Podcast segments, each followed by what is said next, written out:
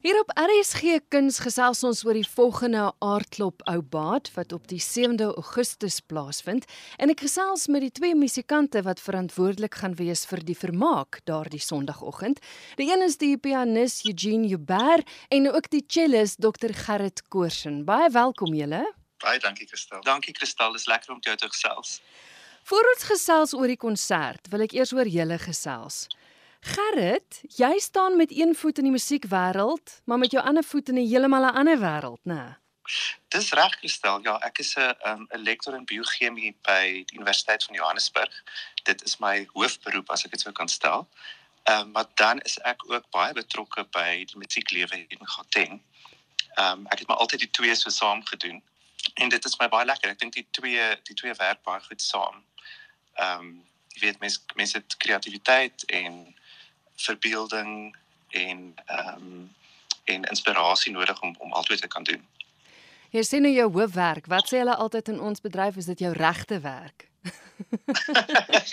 ja, seker so iets. ja, dis reg. Eugene, jy is jy is wel by 'n skool ook betrokke.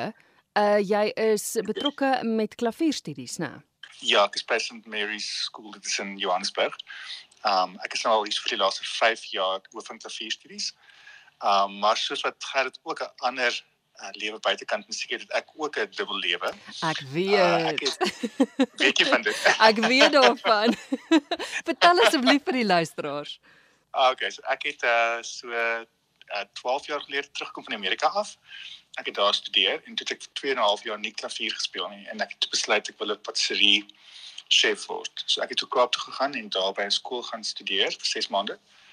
En um ek het dit vir 'n hele jy weet vir 'n jaar jaar en 'n half gedoen op heel op absoluut op sy eie geen musiek nie. Ja. En toe het ek besef dat musiek is eintlik my uh, roeping.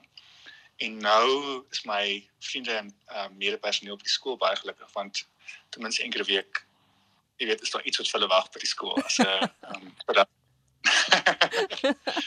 Dis wonderlik. Nou hoe het hierdie biochemikus en hierdie patisserie chef bymekaar uitgekom want julle speel al vir 'n geruime tyd saam? Dis reg. Ja, ons ons ek weet jy eintlik ek dink ons het van mekaar geweet en ek dink ons het uh in 2006 2000 of 2005 'n konsert saam gedoen in Bloemfontein. Um ons het uh ek het gaan speel by die Russiese musiekfees in Bloemfontein en gehad in die orkes gespeel. Maar ons het mekaar nie toe ontmoet nie. Ons het net afgekom ons het toe saam gespeel en um toe oor die laaste 5 jaar wat ek gehad woon het ons van mekaar geweet maar nooit reg ontmoet nie of saam gespeel nie. Dit is net verlede jaar so Julie hierdie tyd omtrent verlede jaar swaalf kontak gemaak en toe net begin besluit ons wil dalk saam speel en toe het ons net begin saam speel en die ek weet nie hoe, hoe gerd dit sou ervaar nie maar die eerste repetisie saam het het vir my gevoel dis die dit was 'n uh ding wat bedoel is om te werk. Verstaan jy hoe hoe dit saamgepas het, het net so goed gewerk. Ja, absoluut. Ek het 'n ek het 'n boodskap van Eugene op Facebook gekry. Ek dink hmm. ehm um, verlede jaar, maar of meer 'n jaar terug en hy het my laat weet dat hy gedurende die die Grendeltyd 'n bietjie gewerk het aan groot werk in die cello repertoire ander die Griek sonate wat wat ons gaan speel by die ou Baat. En um, hy het gevra of ek dalk dit sou moet om vol speel en ek het natuurlik die geleentheid aangegryp want ek ek weet van Eugene, ek weet hy's 'n baie aangename mens en 'n fantastiese musikant. En ehm um, soos Eugene nou gesê die eerste keer ons saam gespeel het, het dit net gewerk. Ek dink ons ehm um, ons persoonlike werk saam en ons is altyd baie rustig en die musiek is is wat vir ons voorop is. En dan dink ek ons musikale idees werk goed saam. So ja, so dit is hoe dit gekom het dat ons saam speel en ehm um, ons het al 'n hele paar konserte saam gedoen sedert daardie tyd. En elke keer is vir ons groot opwinding. Ons hmm. geniet dit elke keer en ek dink ook ons is nie mense wat noodwendig voor die tyd besluit presies hoe ons alles gaan gaan aanbied nie. Ehm um, so elke konsert is soort van 'n nuwe uh, skepping op sy eie en dit is ook wat wat vir ons groot vreugde verskaf. Ja, want uit die aard van die saak moet mens saam kan gel. Dis dis so 'n huwelik. Dit werk of dit werk nie. Jy moet van mekaar ja. hou, né?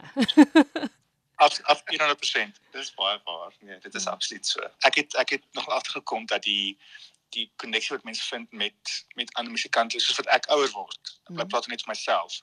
Kom ek agter dat ek van baie onsekerhede laat gaan het oor myself, oor my eie spel en dan dink ek jy vind baie meer aanklank by ander mense as wat jy die hele tyd bekommer is oor dinge wat jy dink hulle oor dink wat hulle glad nie bewus is nie. Dis net jou eie jou eie um siening van jouself wat nie altyd noodwendig in perspektief is nie.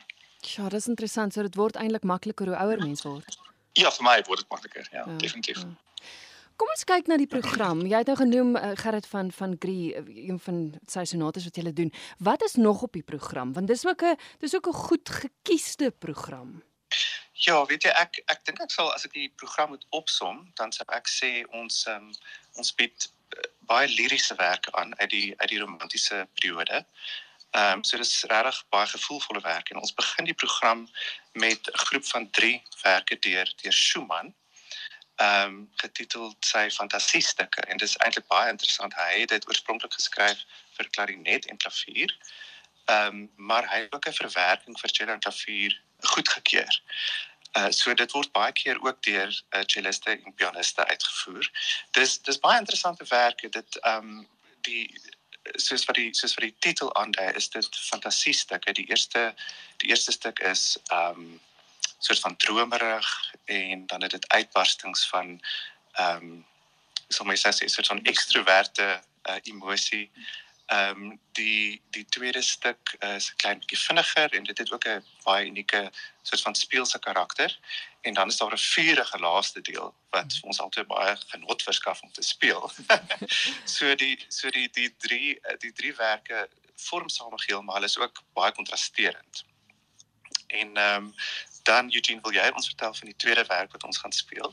Ja, ek ons speel dan die uh, die elegie van uh, Fauré dit is die eh, die stuk wat die laaste geskryf is en is ook een van die se baie um emosionele stukke. Ek dink hy het van die begin af besluit dat hy wou 'n stuk gekomponeer het wat uh, baie te doen het met vroeging en um ek dink soos wat die soos vir die titel my mens kan sê is daar elegie is altyd te doen met uh uh smart smart lighting. Absoluut ja. Verlies. Ja baie goeie woordkeuses. En um dis interessant die die die, die werk het 'n baie mooi middelseksie wat in die in die Maier toe toe so uh, plaasvind en dan dat mens dink hy beweeg weg van die oorheersende gevoel maar dan keer dit terug aan die einde die daai dieselfde melodie wat in die Maier seksie was keer dan terug in die mineur en dan kom jy agter dat die hele stuk eintlik is net vroegang en bedoel dit klink sleg om dit te sê want dit is nie net 'n baie mooi woord 'n uh, aangename woord nie maar ek dink dit is werklik wat in die stuk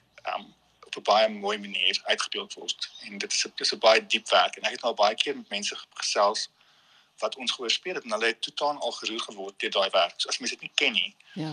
Is dit baie iets wat jou kan bybly. Maar dit is my wonderlik hoe jy praat oor die werk en hoe jy dit dit oopsluit vir die gehoor, verstaan, sodat jy daai emosie kan hoor, dit wat jy beskryf. So, is my wonderlik dat jy nie net die name opnoem nie, maar regtig die werk vir ons lewendig maak. Ek's nou skieurig oor die oor die laaste een want jy jy het net 3 komponiste, né? Ja, die laaste werk is dan die grootste werk, dis die Griek sonate. Ja. En vir die luisteraars wat sy concerto ken vir klavier. Dit is toevallig in dieselfde in dieselfde toonsoort geskryf. Um en uh dis ook vind ek in in dieselfde styl. Bedoel daar's daar's vreeslik baie virtuose passasies, maar daar's ook ongelooflike liriese dele in in die werk. Uh regdeur. En um daar's elemente van volksmusiek wat wat deur dit kom en ek dink Riek was ook bekend daarvoor dat hy oorweegse volksmusiek um aan die aan die buitewêreld bekend gestel het. En uh op 'n manier hoe jy veral veral die stadiger melodie en ook harmonie wat daarmee saamgaan. En dan is dit iets wat jy net sal altyd kan uitken as Greek. Ek kan nie ek kan nie vir presies sê hoekom dit so is nie. Um dit mag wees die die harmoniese um volg van verskillende harmonie op mekaar. Uh ek dink dit is net 'n kombinasie van 'n uh, baie unieke uh, emosie wat hy so kan uh, blootstel in in musiek. Mm. En um dit is werklik mooi en dit is uh in die eerste beweging, dis in die tweede beweging en dis ook eintlik in die derde deel, nie derde deel se stadige seksies is nog interessant want dit is 'n presiese herhaling van die tema van die van die laaste beweging. Dit is dit is 'n baie vinnige volksdans en dan vat hy daai selfde uh, musikale idee en hy maak dit net baie stadiger. En dan hier is dit heeltemal ander effek en ek wonder of mense noodwendig sou agterkom dat dit eintlik presies dieselfde motief is. Um dit klink net soveel anders en uh ek het nou al 'n paar opnames gehoor om mense te speel en hulle speel die stadige deel baie baie um of sonder emosie. Hulle probeer nie te veel daarin sien nie, maar vir ons twee is dit nogal lekker om die harmonie te vat soos wat daar ander akkoorde kom dan jy rus 'n bietjie hier, jy gaan 'n bietjie beweeg bietjie daar. En ek dink dit dit daar's 'n 'n mate van soepelheid in hoe ons dit speel en ek dink dis dis ons eie siening van van die musiek, maar dit is vir ons geweldig lekker om dit te speel. En ehm um, dit is wat het nou gesê het, ons as ons as ons repeteer, bespreek ons seker goed, maar ons speel meer. En dan dan kyk ons maar hoe dit gaan. Ek dink dit is vir ons 'n uh, mate van daar's lekker in die vryheid van dit en ons word nie verveeld met van hierdie was nie 100% 120 jy weet polslap per minuut nie. Dis wat ek al het, wat ek weet. ja, ek dink as ons dit speel gaan ons op 'n reis na Noorwe. Ja. Mense verdwaal in die drama van die fjords en dan kom mense af op 'n ehm, 'n um, rustige meer hmm. ehm um, op 'n plateau en dan begin dit reën. Ehm um, en tussenin ehm um, sien mense ook of hoor jy die stories van ehm um, van hoor weer die die die volksstories daar is mm mens kan mens kan jou verbeel daar's 'n trol wat skielik uit die bos uit hardloop.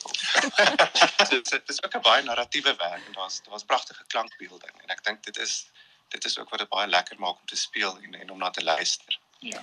Ja, maar ek dink die gehoor gaan veilig wees in julle hande want julle is die interpreteerders van die musiek en ek kan hoor dat die prentjies dit wat oorgedra moet word deur die musiek reeds gestalte in julle gevind het en dat julle die vermoë het om daai prentjies oor te dra. So ek dink regtig die gehoor kan uitsien na 'n ongelooflike reis na Noorwe en waarheen hulle ook al kan gaan. dankie. Baie dankie gestel. Dis 'n ongelooflike kompliment daai vir ons. Ja. Ja, en dis ek dink dit is dis presies wat ons nou uitsien as ons ehm um, as ons saam speel en as ons optree. Ons wil graag mense op reis neem en ons wil hê mense moet die wonderlike musiek ervaar soos wat ons dit ervaar. Hmm. Ehm um, en ehm um, ek dink as ons dit kan regkry, ehm um, en as die die gehoor ehm um, as ons die gehoor op daardie reis kan neem, dan sal sal dit vir ons ook baie beteken.